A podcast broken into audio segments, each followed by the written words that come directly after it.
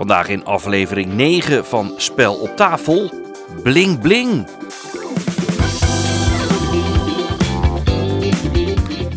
Welkom bij de bordspellenpodcast Spel op tafel. Met alles uit de bordspellenwereld in Nederland en België. Met beurzen, spellen, nieuws en besprekingen. Kortom, alles wat jij leuk vindt om te horen.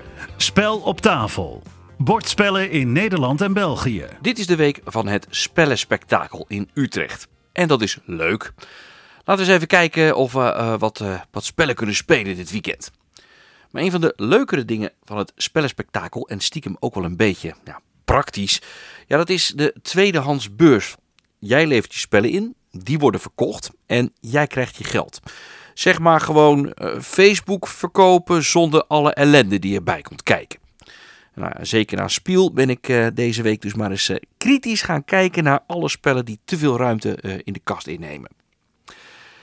In het begin was dat verkopen van die overbodige spellen nog geen probleem. Dan pak je gewoon de grote hoeveelheid die nooit op tafel kwam.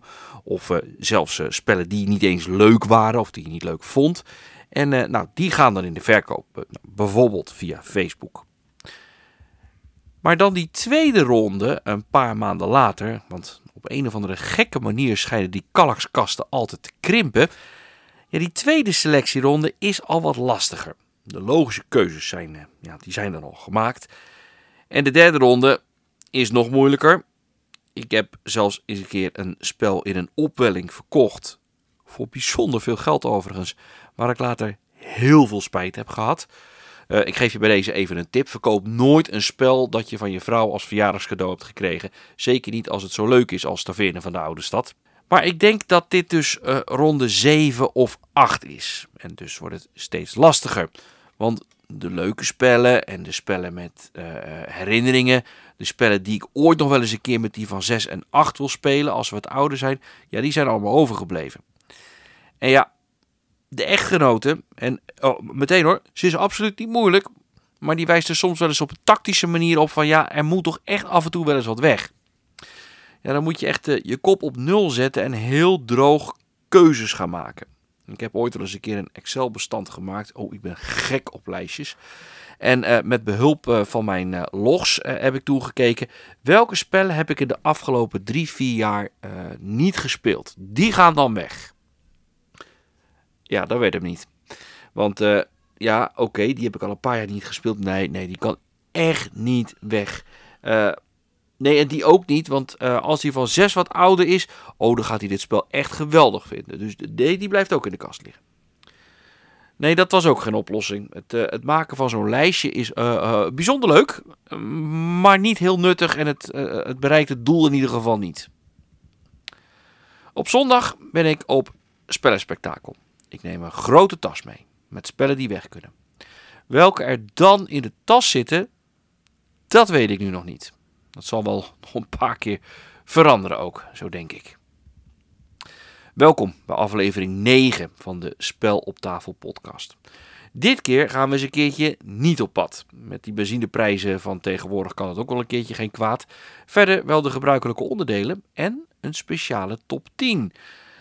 Vandaag ga ik eens kijken naar de fraaiste producties uit mijn spellenkast. En gezien het feit dat ik absoluut geen nee kan zeggen tegen bling bling, overbodig of niet, kan dat best wel eens een leuk lijstje zijn. Maar eerst dit. Spellennieuws. Het laatste nieuws over bordspellen. De samenwerking tussen Kids Table Board Games en Happy Meeple Games levert nu een Nederlandse versie op van Diced Veggies. Met dobbelstenen probeer je gerechten die uit verschillende soorten groenten bestaan te maken. Veel kleurrijke dobbelstenen, artwork die zo afkomstig kan zijn van Creature Comforts en ook van Happy Meeple Games. Het eh, spel is van Jos Capel, die ook Rack Raiders maakte en komt begin volgend jaar uit in het Nederlands. De Nijmeegse uitgever Game Biz heeft wat grappigs gedaan. Michiel de Wit heeft tussen alle beslommeringen door, waar haalt hij in vredesnaam de tijd vandaan, eh, tijd gevonden om nog een klein dobbelspelletje te maken met de naam Caterpillars, oftewel rupsen. Je speelt het met twee gewone dobbelstenen en is een eh, hele simpele roll and write. En omdat Michiel zo is, heeft hij op Facebook eh, een paar van die scorevelletjes gezet die je zo kunt uitprinten. Het spel is compleet gratis en heet dus Caterpillars. Jolly Dutch blijft spellen uitgeven via de eco-vriendelijke distributielijn. Er is nu een samenwerking aangekondigd met de kleine uitgeverij Gamefantry. En het is de bedoeling dat deze via Jolly Dutch dan in de winkels komen te liggen. Gamefantry maakte eerder spellen als Afritoria, Het Verloren Meesterwerk en Piets Piazza. En laatstgenoemde was al helemaal eco-friendly. Geronimo Games komt met een Nederlandse versie van Wanderlust. Wandel heel de wereld over, loop met mensen mee en bezoek bezienswaardigheden. Het spel draait om kaarten die je gebruikt om vooruit te komen. Het spel komt volgend jaar wereldwijd pas uit, maar was op Spiel te zien als prototype. 99 Games verwacht op korte termijn Cards versus Gravity, oftewel kaarten versus de zwaartekracht. Leg of hang steeds een kaart aan de stapel op een fles. Vallen de kaarten ervan af, dan krijg je minpunten. White Goblin Games laat weten dat de jubileumeditie van het vijfjarig bestaan van Claim inmiddels in de winkels ligt. In deze versie zitten de facties uit Claim 1 en Claim 2, plus nog eens 7 andere. Vorige week hebben we het al even zijdelings genoemd in het nieuwsonderdeel van de podcast. Ra Games komt dit weekend met een Kickstarter rondom Small Store Survival. Raoul Struik is de man achter Ra Games. Uh, goeiedag. Hoi, goedemiddag. Ja, Small Store Survival. Uh, hoe werkt het? Wat is het? Small Store Survival. Ja, het is een, uh, het is een spelletje wat zich uh, niet in een paar zinnen laat vatten. Daar ben ik wel achter gekomen bij het uitleggen op verschillende uh, beurzen en andere gelegenheden. Meestal leg ik het uit door zeggen, oh, we gaan gewoon spelen en dan hebben jullie het snel genoeg door. Um, maar ik zal het proberen. Het is namelijk, het thema van het spel is dat je een ondernemer bent die een winkel probeert te openen in een prestigieuze winkelstraat. En dat doen alle andere spelers ook. Maar iedere ronde is het eigenlijk maar één winkel die het lukt om voet aan de grond te krijgen. En de andere winkels die gaan weer over de kop, zijn meteen uh, failliet. En de ondernemers gaan weer proberen om een nieuwe uh, winkel te openen. Nou, en zo krijg je, creëer je samen een winkelstraat. En jij probeert zoveel mogelijk van jouw winkels uh, te openen. En die zijn aan het eind van het spel punten waard. Ja, welke spelmechanismen zitten erin? Nou, het is, uh, in de eerste plaats is het een handmanagement spel. Je, ja, je hebt gewoon je, een trekstapel, je handkaarten en een aflegstapel. En iedere beurt ga je een kaart uit je hand spelen. En die kaarten, dat zijn, dat zijn de winkels zelf. En die hebben ook een bepaalde actie. En als jij een winkel speelt, dan gebruik je zelf niet die actie van die winkel. Maar het is eigenlijk de winkel die je overneemt van een andere speler. Dat is de actie die je, gaat, uh, die je mag gebruiken. Dus in die zin is het een uh, actieselectiespel. Dus je kiest welke actie die, op voorraad, die in de voorraad op tafel ligt je gebruikt. maar je bent zelf dus degene die bepaalt welke acties op tafel komen te liggen. En eigenlijk het, het, wat net anders is in dit spel, een beetje wat bij andere spellen niet voorkomt, is dat je dus probeert een winkel op tafel te leggen die niet wordt gekozen. Want jij wil dat jouw winkel niet wordt overgenomen en dus permanent in de winkelstraat mag blijven liggen. En dat doe je eigenlijk door ervoor te zorgen dat je gaat kijken, hey, welke acties hebben de andere spelers op dit moment nodig in het spel? En dat je gaat, gaat denken van, oh, als ik nu, uh, laat ik een voorbeeld nemen, de bakkerij ga spelen. En, uh, en, uh, en dat is een, uh, een, winkel waar je kaarten moet afleggen om nieuwe kaarten te trekken. En je ziet eigenlijk dat veel mensen veel kaarten in hun handen hebben. Dan denk je, hé, hey, dat is voor niemand op dit moment aantrekkelijk om mijn bakkerij over te nemen. Dus dit is een goed moment om mijn bakkerij te spelen. Want de kans is groot dat niemand hem durft over te nemen. En dat hij permanent in de winkelstraat moet mag blijven liggen. En dat is wat je eigenlijk het hele spel probeert te doen. Met andere woorden, probeer iets neer te leggen dat net niet interessant genoeg is voor de rest. Ja, of in ieder geval minder interessant dan de andere winkels die de anderen neerleggen. Hij wordt dus nu al gedemonstreerd. Wat zijn de eerste reacties?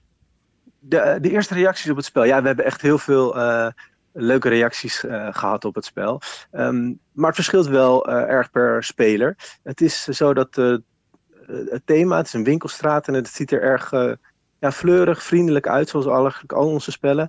En uh, voor sommige mensen denk ik, oeh, het is best wel iets pittiger dan ik dacht uh, qua hoe hard je moet uh, nadenken bij dit spel. Ik had even een vlotter spelletje verwacht waar ik wat meer casual kon spelen. maar heel veel spelers zijn heel erg enthousiast erover. Die zeggen van, oh ja, wacht, dit is echt, echt wat anders dan ik gewend ben. Um, het is leuk uh, te zien dat we nu derde spel hebben. Dat we inderdaad bij die beurs bijvoorbeeld sommige uh, mensen hebben die terugkomen voor ons. En die uh, op basis van de spellen die ze eerder van ons leuk vonden, nu ook dit spel proberen. En ja, voor die mensen valt het eigenlijk allemaal ook weer in de smaak. Ja, op welke spelen mik je eigenlijk uh, met, met, met, met deze Kickstarter? Op de, op de, uh, de gemiddelde speler, op de wat, wat lichtere uh, speler? Ja, het zit er echt tussenin. Dat hebben we eigenlijk met al die spellen wel. Mijn, mijn doel is met al die spellen is, ik wil graag spellen maken die toegankelijk zijn. Ik ben leerkracht en ik heb zelf ook kinderen, dus ik wil heel graag dat kinderen mee kunnen spelen. maar aan de andere kant wil ik ook heel graag gewoon dat gamers het leuk vinden. Ik wil heel graag, ik speel heel graag kinderen uh, spellen met de kinderen in mijn klas en met uh, mijn eigen kinderen. Maar ik vind het leuk om gewoon echt een spel met ze te spelen, waar ik zelf ook gewoon mijn best kan doen. En dat we gewoon allemaal een leuke tijd hebben en niet een spel aan het spelen ben uh, omdat mijn kinderen het leuk vinden. Dat doe ik natuurlijk ook wel af en toe. Maar niet puur omdat de kinderen het leuk vinden en de volwassenen doen mee. Dus ik probeer ja, spellen te maken die er echt tussenin zitten. Dus kinderen kunnen allemaal meedoen. En ik leg de nadruk op meedoen. Dus het is niet zo, bij de, bij, zeker bij dit spel is het niet zo, geef het aan een groep kinderen en het komt wel goed. Maar heb je een groepje, een gemengde groep met familie en uh, wat kinderen, dan kunnen die zeker meedoen. Um, dit zit wel aan de zware kant. Dus ten opzichte van, uh, van onze vorige spellen, Pretpark Tempo en Mini Containers, ik zeggen, ja, dit is wel degene die je niet met de jongste kinderen van je gezin uh, moet laten meedoen, maar wel degene die het meest interessant is voor de, de mensen die meer ervaring hebben met zwaardere spellen. Uh, hoe ben je eigenlijk op dit idee gekomen? Het idee is eigenlijk al heel oud. Het is een, een verhaal uit mijn jeugd eigenlijk. Ik ben opgegroeid uh, om de hoek bij een chique winkelstraat. Waar eigenlijk ja, de huren veel te hoog waren. En waar eigenlijk alle ondernemingen heel snel onder de, over de kop gingen. Dus ik heb er heel veel winkels zien komen en gaan. Steeds waren er hele mooie nieuwe winkels met poespas grote openingen en prachtige etalages. En een paar weken later waren ze alweer weg en kwam er een nieuwe winkel. En dat is eigenlijk uh, waar het uh, idee eigenlijk vandaan komt. Dus het idee is veel, langer dan het, veel ouder dan het spelidee. Hoeveelste spel is dit voor Raak Games eigenlijk? dit is ons derde spel. We hebben eerder Pretpark, Tempo en Mini-containers uitgebracht. Ook twee kaartspellen. En ja, dit is ons derde spel wat we nu op uh, ja, via Kickstarter proberen geld op te halen om te gaan uh, drukken. Maar we zijn uh, tegelijkertijd met veel andere spellen ook al bezig. Ook sommige spellen zijn we al langere tijd bezig. Er zijn ook spellen die we al veel eerder mee waren begonnen aan te werken dan, dan Small Store Survival. Maar dat zijn wat grotere projecten en die, ja, daar nemen we gewoon rustig de tijd voor. Ja, jullie zijn een niet al te grote uitgeverij, hè? Drie spellen. Ra Games, waar staat Ra voor? Is dat voor Raoul? Ja, klopt. Onder andere. Uh, ja, het begon eigenlijk met uh, mijn spelidee Ra. Uh, is inderdaad het begin van mijn naam. En mijn, ja, mijn, sommige familieleden, of mijn naam mijn neef, die noemden me vroeger altijd Ra. En dat is blijven hangen. Ik zeg vroeger, maar dat doet hij nog steeds. Um, en dat uh, werd een van de ideeën die werd ge genoemd als een idee voor een naam. We hadden veer, meer, meerdere ideeën voor een naam voor het bedrijfje. En op een gegeven moment dacht ik, ja, wat is nou leuk? En toen dacht ik, hé, hey, degene waarmee ik het samen doe, want ik bedenk de spellen, maar we hebben nog Petra en Sarah die voornamelijk tekenen en vormgeving doen. En ja, Petra, daar zit ook Ra in de naam. En Sarah, daar zit ook in de naam. Dus ik dacht, hé, hey, Ra Games, dat is leuk. Dan hoeft het niet eens alleen op mij te staan, maar het uh, kan ook op mijn collega's staan. Nou komt Small Store Survival komt dus uit de Kickstarter. Is er met die andere twee ook geweest? Ja, klopt. Die uh, zijn ook uit de uh, Kickstarter gekomen. En we hebben... Het zijn kleine Kickstarters geweest. En we hebben eerst Pretpark Tempo gedaan. Die hebben we zelfs, wat heel ongewoon is voor Kickstarter, echt alleen zelfs in Nederland aangeboden. Dus niemand buiten Nederland kon die bekken. Want we wilden eerst kijken hoe gaat dat. En, durf, um, en we durfden eigenlijk niet naar het buitenland te, zen te zenden. En met mini-containers hebben we naar de EU uh, verzonden, dus niet uh, daarbuiten. En uh, ja, dat, die knop hebben we nu omgezet en nu mag iedereen, waar hij maar woont, ons bekken en kunnen wij het spel naartoe sturen. Je zei zelf, hè, we willen het eerst leren. Um, welke lessen heb je geleerd? Welke lessen heb ik geleerd? Nou, um, de, de grootste les eigenlijk die ik heb geleerd, is dat er altijd wel iets gebeurt wat je niet voorziet. Uh, en dat was ook eigenlijk wel wat we wel hadden voorzien. We dachten van ja, we weten nog niet alles. En er gaan vast dingen tegenkomen die we uh, nog niet weten, die we moeten leren. Maar nu nog steeds, er gaat, je moet zoveel extra tijd nemen voor dingen. Als je een planning maakt in je tijd van ja, ik, uh, uh, ik ga nu over drie weken willen we klaar zijn voor de Kickstarter bijvoorbeeld. En dit zijn de dingen die we moeten doen. En dan kom je erachter, uh, ja, die twaalf dingen die je, die je had bedacht, daar zijn nog minstens twaalf dingen bijgekomen die we moeten regelen. Dus die drie weken, die zijn dan niet haalbaar. Dus eigenlijk zijn we, um, om teleurstellingen voor onszelf te voorkomen, begonnen met alles gewoon heel ruim uh, op te zetten en ruim de tijd te nemen overal voor. Ja, dat geeft flexibiliteit. Ja, precies. En uh, ja, we, we, hebben natuurlijk genoeg van onze alle andere verplichtingen ook daarnaast, die we goed proberen te laten aansluiten. Maar zo zijn er ook...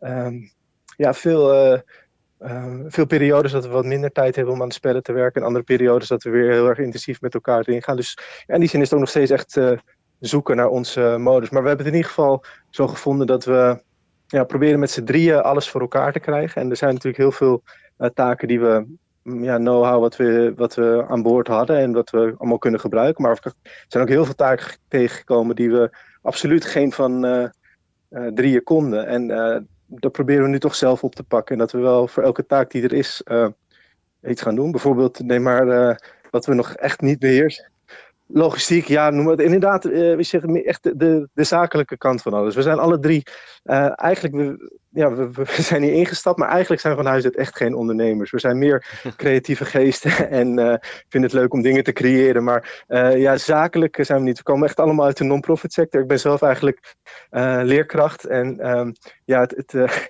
het hele, ehm, ja, de zakelijke kant is ons eigenlijk nog niet echt uh, ja, is niet echt ons uh, ding, laat ik het zo zeggen. Ja.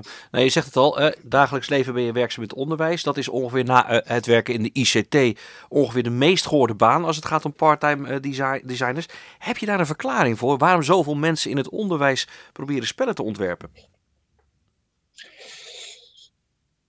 Een verklaring? Nee, die kan ik niet, uh, dat kan ik zo niet kunnen zeggen. Want ik denk ook dat dat verschilt. Ik denk dat, uh, dat de ene leraar die uh, van spellen houdt, dat iets anders is dan de ander. Maar ik kan wel zeggen dat voor mij in ieder geval veel dingen goed aansluiten. Natuurlijk, ik probeer in het, in het onderwijs zijn natuurlijk veel spelvormen die, die je ook gebruikt om les te geven. In is er heel veel uh, overlap en kunnen spellen een hele grote rol spelen uh, in het onderwijs. En andersom natuurlijk ook, want uh, ik maak zelf niet graag educatieve spellen. En ik vind heel veel educatieve spellen ook ja, zie ik niet snel aansluiten bij kinderen. Vaak is het zo dat, uh, ja, ga je een rekenspel uit de kast en kinderen hebben zo, oh, we gaan een spel spelen. En spelen is het één potje en na het tweede potje hebben ze zoiets van, ja, wacht eens even, we zijn eigenlijk gewoon aan het rekenen.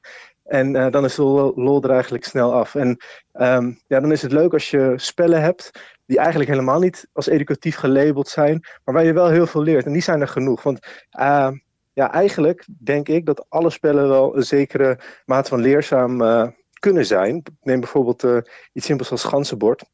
Dat is natuurlijk niet voor iedereen leerzaam, maar als jij nog in de onderbouw van de basisschool zit en je moet gewoon dobbelsteen gooien en je gans een aantal vakjes vooruit zitten, dan is dat, ja, dan ben je toch al bezig met de kerndoelen voor rekenen. Je zegt, we hebben het ruim ingepland. Wanneer zou het spel de mand moeten liggen? Um, dat klinkt dan uh, wel weer ambitieus uh, ten opzichte van vele kickstarters, maar we hebben dat uh, best goed op orde. En in principe um, zal dat in, nou dan moet ik het wel veilig zeggen, in maart geleverd kunnen worden. Zo, dat is rap.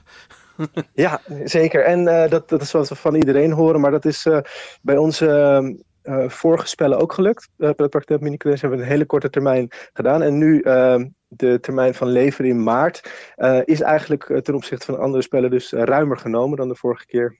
Moet ik wel, ja, ik zal er één ding bij zeggen. Ik zeg natuurlijk, we hebben geen ervaring met het verzenden naar buiten Europa. Dus dat, die, dat maart, wat ik zeg, dat is wel allemaal gericht op, op de Nederlandse markt. Hoe lang het vervolgens op duurt om daar uh, naar andere landen te verzenden, dat uh, durf ik niet uh, met zekerheid te zeggen. Raoul Struik van Ra Games, succes in ieder geval met de campagne. Super, bedankt. Nou, bedankt voor de uitnodiging en ik hou jullie op de hoogte. En dan nog dit. In aflevering 7 heb ik abusieflijk gezegd dat White Goblin Games dit keer niet de Nederlandse versie van Far Shore uit gaat brengen. Dat klopt niet. Dat doen ze namelijk wel. Dank aan de luisteraar die de moeite heeft genomen om een mailtje te sturen om er even op deze fout te wijzen. Elke aflevering van Spel op tafel komen wat spellen aan de orde die onlangs zijn binnengekomen. Een paar keer zijn gespeeld en ze zijn zeker het bespreken waard. Oftewel, wat ligt er nu op de deurmat? Laten we eens even wat spellen bekijken. We beginnen met World Wonders van Arcane Wonders, gemaakt door Z. Mendes. Uh, Odysseus Stamoglu en Tom Ventre. Uh, het is een spel met tegels neerleggen, wonders bouwen en voldoen aan kaarten en punten pakken. Waar draait het om bij het spel? Iedereen heeft een eigen bord met een stuk land voor zich. Daar ligt een meer op of er loopt een riviertje of zoiets dergelijks. Ieder heeft per ronde zeven actiepunten. Met die punten kun je tegels leggen op je bord. Grote tegels aan veel punten, kleine tegels aan weinig punten. En die tegels uh, die vertegenwoordigen allemaal iets. Een deel van een wijk. Het ene is een tempel, de ander is iets, met handel. Uh, groen is dan weer landbouw. Maar de meest opvallende zijn de kleine, nou ja, klein. Het zijn houten wondertjes. Alle klassieke wonders zitten erbij in het spel. Denk aan de piramides, de Chinese muur, Machu Picchu, Petra, het Colosseum van Rome. En die kan je dus ook bouwen. Ze hebben allemaal een eigen vereiste. De een moet bijvoorbeeld precies langs een tempel liggen en aan een weg. Het meest opvallende is, het bouwen van je wonder kost gewoon al je resterende actiepunten. Heb je er nog eentje over, dan kost het er één. Maar heb je ze alle zeven nog, dan ben je ze allemaal alle zeven in één keer kwijt. Ja, op die manier kan je uh, elke ronde maximaal maar één wonder bouwen. Maar bouw je die meteen, dan kan je maar heel weinig doen. Maak je eerst al je punten op door tegels of wegen aan te leggen. Ja, dan loop je het gevaar dat er iemand met zo'n wonder vandoor gaat en pal voor je neus weghaalt. Het spel duurt uh, 10 ronden. Een wonder levert één of twee punten op. Uh, tegels zorgen ervoor dat je op, andere, op, een aantal sporen vooruit gaat. Uh, een van die sporen is de populatie. Als die ver genoeg is, ja, dan levert het ook nog wel punten op. Ja, World Wonders is een vrij vlot spel. niet al te ingewikkeld. En als alle spelers weten waar ze mee bezig zijn, gaat het bijzonder rap. Bij meer spelers komen er ook meer soorten van die Tetris-vormpjes bij, zodat het spel ook vrij goed schaalt. Het, het, spel ziet er goed uit. Komt mede door die houten wondertjes. Hè. Dan heb je plotseling zo'n grote driehoek van een, van een paar centimeter groot. En dat zijn dan de piramides. Maar waar het spel eigenlijk echt in uitblinkt, is het strategische deel. Dus elke keer afwegen. Ga je nu al je wonder bouwen? Ja, nu wel. Maar ja, dan bouw je verder ook niks meer. Of gaan die anderen nu dat wonder bouwen? Of zijn ze niet geïnteresseerd en laten ze hem links liggen? En dan heb je misschien nog wel even één of twee beurten om wat andere dingen te doen, zodat je alvast kan voorsorteren voor iets anders. Ja, misschien één ronde wachten. Oh nee, verdorie, nou halen ze toch nog dat wonder voor je neus weg. World Wonders vloog van de plank in Essen. Ik had er eentje gereserveerd. Dat was maar goed ook, zeiden ze daar. Um, ik snap wel waarom. Uh, het ziet er niet alleen leuk uit, het is ook een best aardig spel. Zeker voor de mensen die bijvoorbeeld uh, Cottage Garden of Berenpark, die het erg leuk vonden, maar toch openstaan voor een net andere insteek, die kunnen dit spel wel waarderen. Dat spel is World Wonders en is van Arcane Wonders. Dan een wat kleiner spel, Point City van Flatout Games, maar in Nederland ook uitgebracht door White Goblin Games van Molly Johnson, Robert Melvin en Sean Stankiewicz. De illustraties zijn van Dylan Mangini en diezelfde Sean Stankiewicz. Het is een kaartspel, je bouwt een stad op en het is de opvolger van Point Salad. Je hebt een uh, grid voor je, een rooster van 16 kaarten. Aan de ene kant heb je grondstoffen, denk dan aan energie, natuur, community, geld. Aan de andere kant staan gebouwen. Je moet elke beurt twee kaarten pakken die naast elkaar liggen. Grondstoffen mag je dan op je hand pakken, maar gebouwen moet je betalen en mag je dan voor je leggen. Sommige gebouwen hebben alleen punten, andere gebouwen leveren je ook een soort permanente grondstofwaarde op. Uh, dan levert de bank bijvoorbeeld ook een geldstuk op of, of zoiets dergelijks. Andere gebouwen, en dat zijn meestal wel de dure, leveren ook einde score tegeltjes op. Dan krijg je bijvoorbeeld uh, twee punten voor elk gebouw dat een geldstuk oplevert. En dat is het. Aan het einde van het uh, spel tel je de punten op van de gebouwen aan de ene kant en de einde score tegels dan daar nog bij. En dat is je eindscore.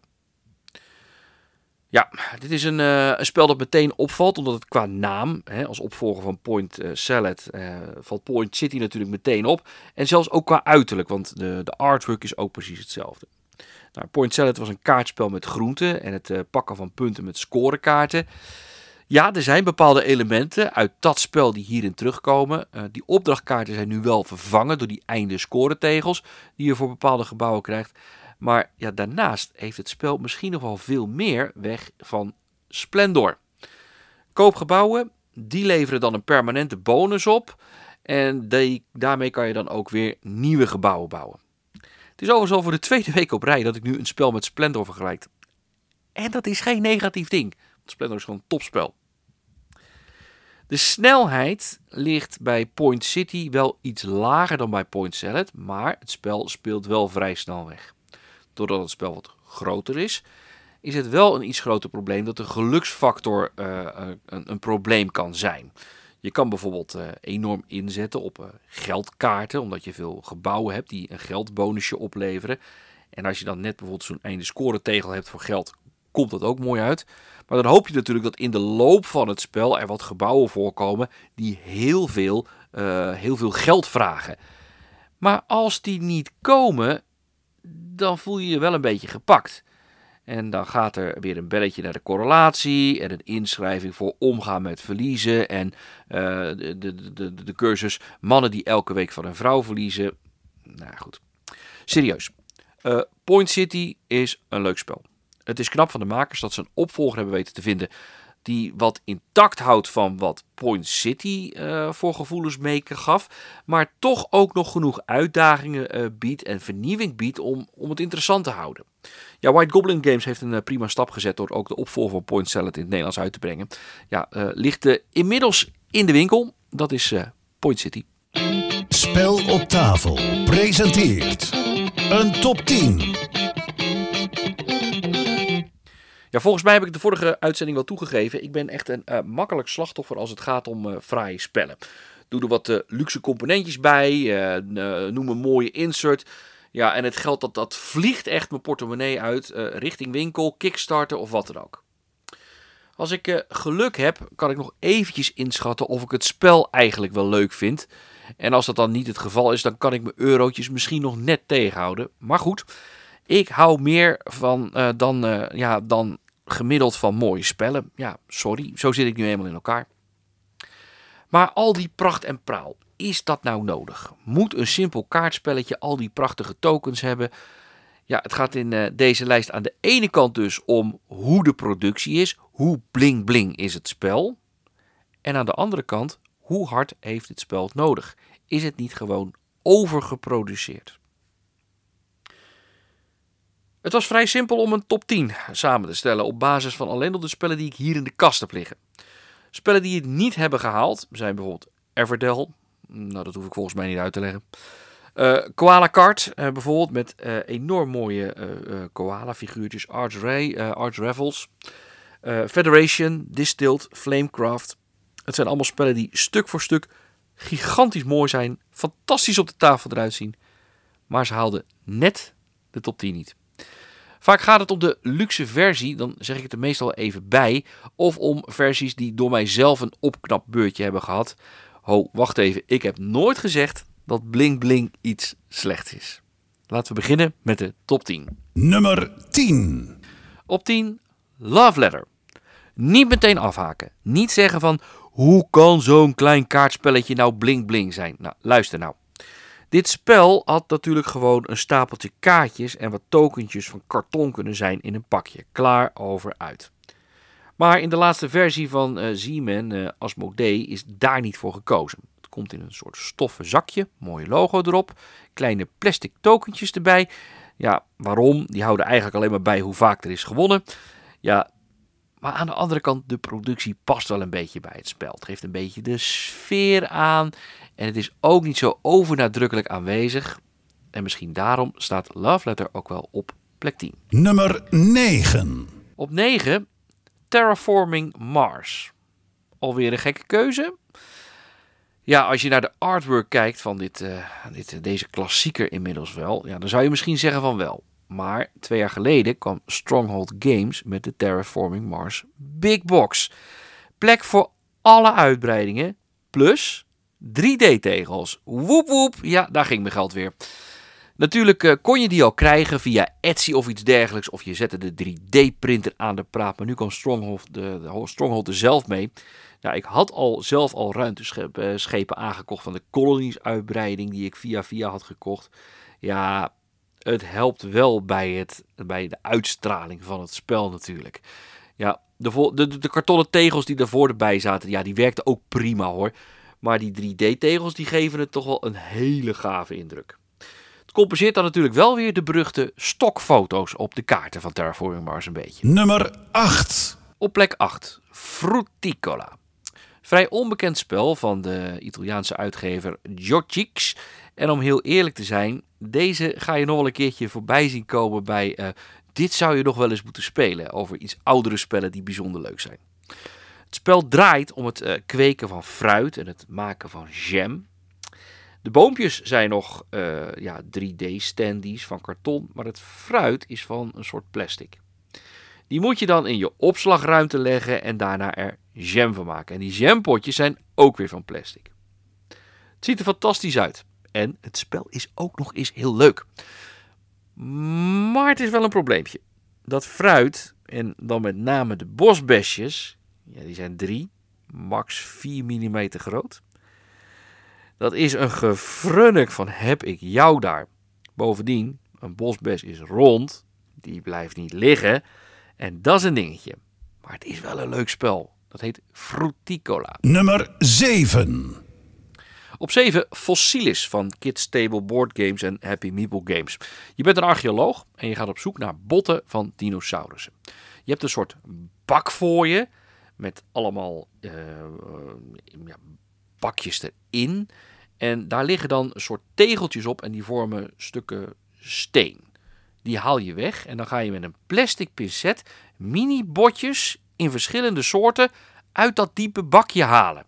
En daarmee stel je dan dino-skeletten samen. Geweldig.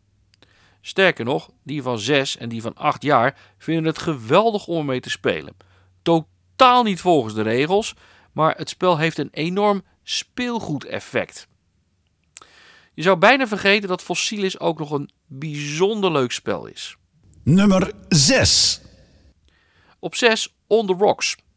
De eerste versie van On The Rocks op Kickstarter was zo luxe dat de campagne uiteindelijk geen succes werd. Het was te duur. De tweede editie werd iets minder bling bling en toen werd het wel een succes. En dat komt niet alleen vanwege het thema, want in uh, On The Rocks maak je uh, cocktails in een bar. Maar ook de componenten en de uitstraling speelden een grote rol. Uh, de ingrediënten, knikkers. Die gebruik je met een tweelaags spelersbord met gaatjes voor alle ingrediënten.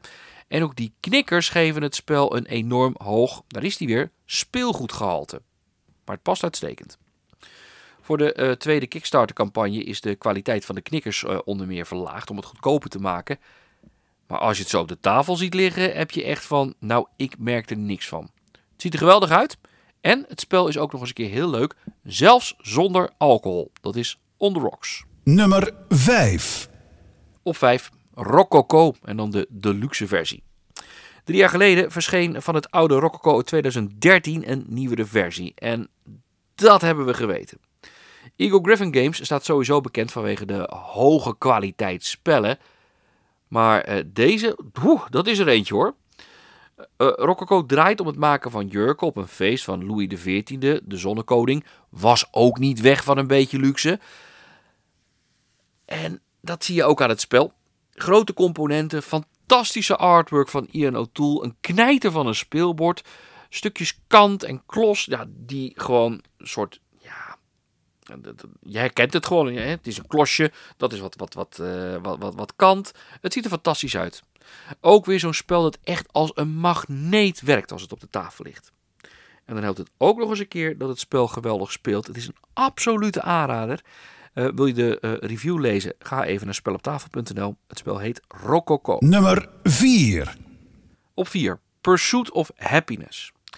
Pursuit of Happiness is domweg levensweg 2.0. Of beter gezegd, levensweg voor de mensen die Monopoly ontgroeid zijn. Het uh, spel is van het Griekse Artipia en kreeg een big box. En die had wat luxe componenten.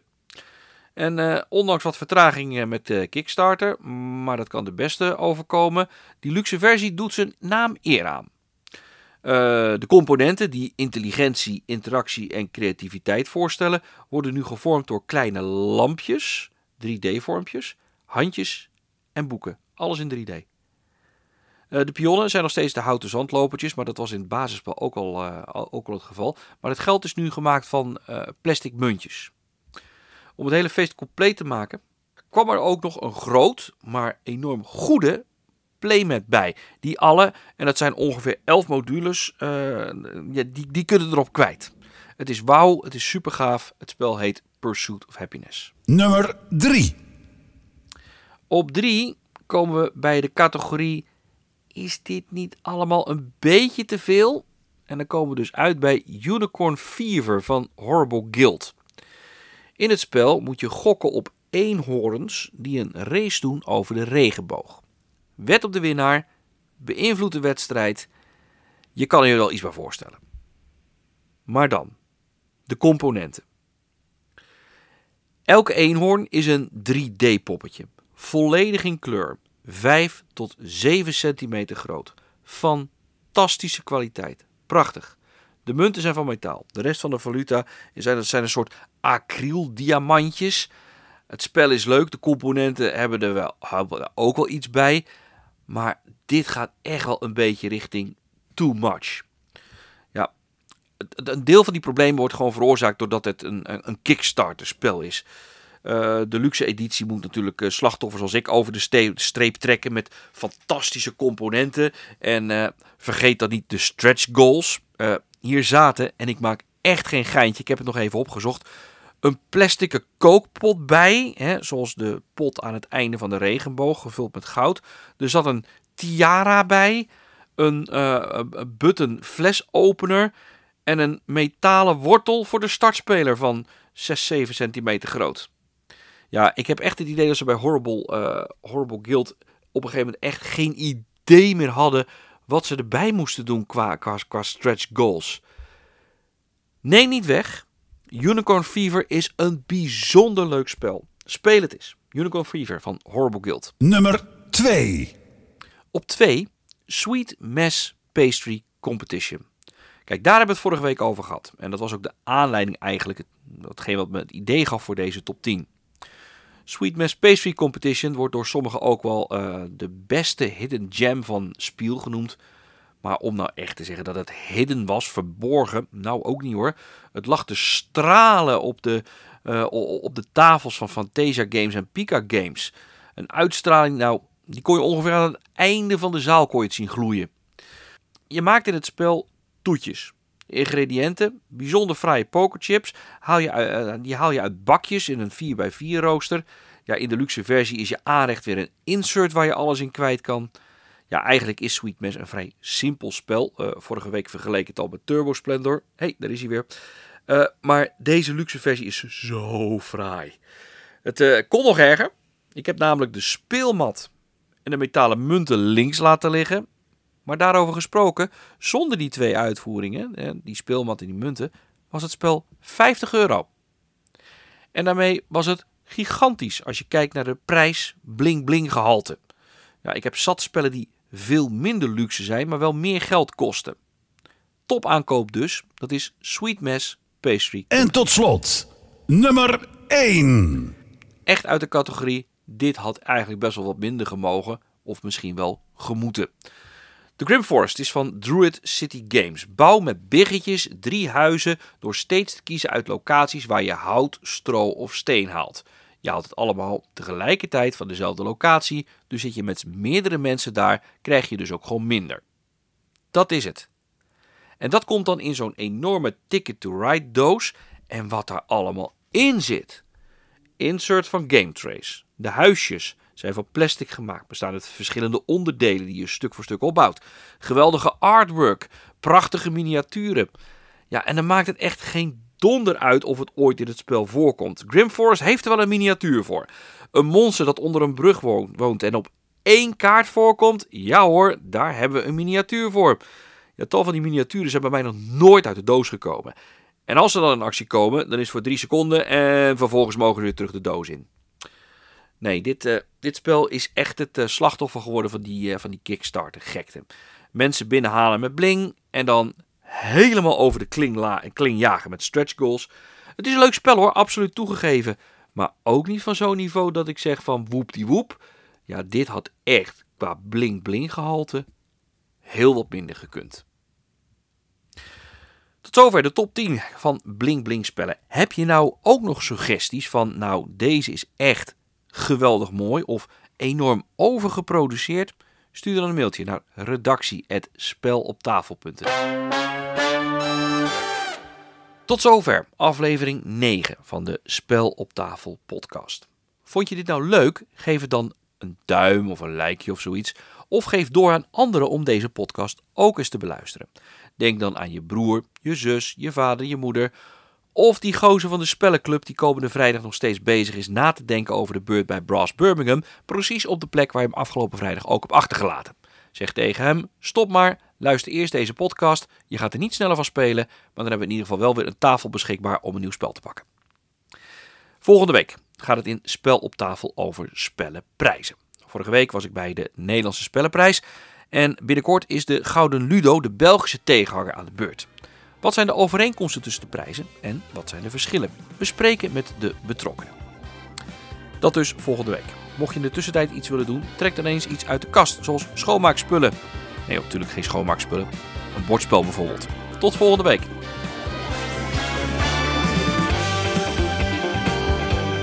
Volgende week is er weer een uitzending van Spel op tafel. Heb je vragen of opmerkingen? Stuur dan een mail naar redactie@speloptafel.nl.